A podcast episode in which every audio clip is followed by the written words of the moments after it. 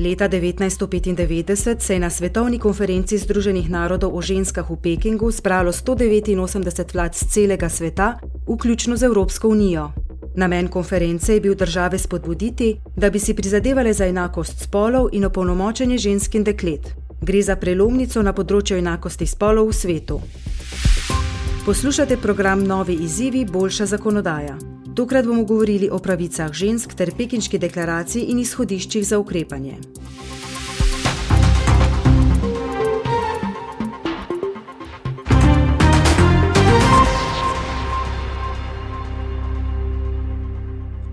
Zakaj sploh gre? Pekinška deklaracija in izhodišča za ukrepanje so bili sprejeti leta 1995 na četrti konferenci Združenih narodov o ženskah v Pekingu in veljajo za najbolj celovit politični okvir za pravice žensk na svetu. Dokumenta pravice žensk izredno priznavata kot človekove pravice.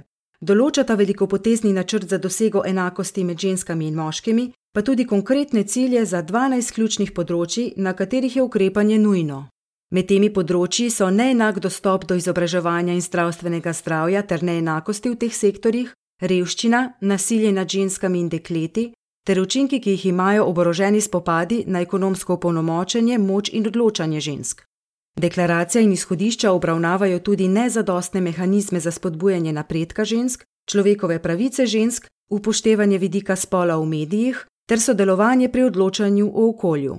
Zadnje ključno področje pa je stalna diskriminacija deklet in kršitev njihovih pravic. Napredek pri pekinški deklaraciji in izhodiščih za ukrepanje se spremlja vsakih pet let. Zadnji pregled bi moral biti izveden leta 2020, a je bil prekinjen zaradi pandemije, ki je tudi sama na več načinov vplivala na enakost spolov. Posod po svetu so bile uvedene omejitve gibanja, razlike med spoloma pa so se povečale, saj ženske nosijo večino bremena, ko gre za gospodinska dela, varstvo otrok in šolanje na domu. Ženske zaradi tega tudi pogosteje izgubijo službo in dohodek, kar bi lahko ogrozilo napredek pri zaposlovanju in plačilu žensk. Pandemija pa ima tudi druge negativne posledice.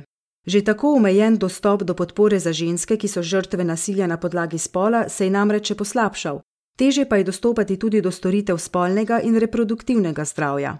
Pandemija pa je razkrila tudi neravnovesje med spoloma pri odločanju, tudi v zdravstvenem sektorju, kjer so v prvi bojni liniji večinoma ženske. Leta 2021 je Evropski parlament razpravljal o več vprašanjih enakosti spolov, ki spadajo na področje Pekinške deklaracije in izhodišč za ukrepanje. Sprejel je tri resolucije o enakosti spolov in sicer o novi strategiji za enakost spolov za obdobje od leta 2020 do leta 2025, o zapolnitvi digitalnega razkoraka med spoloma ter o dolgoročnih in kratkoročnih posledicah pandemije na enakost spolov. Evropska komisarka za enakost Helena Dali je ob koncu razprave dejala: Zagotoviti moramo, da nas bo vsak ukrep približal Evropi, v kateri bodo ženske in moški enakopravni.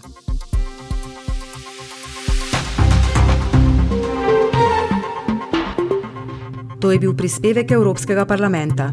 Več informacij je na voljo na našem spletnem mestu Think Tank.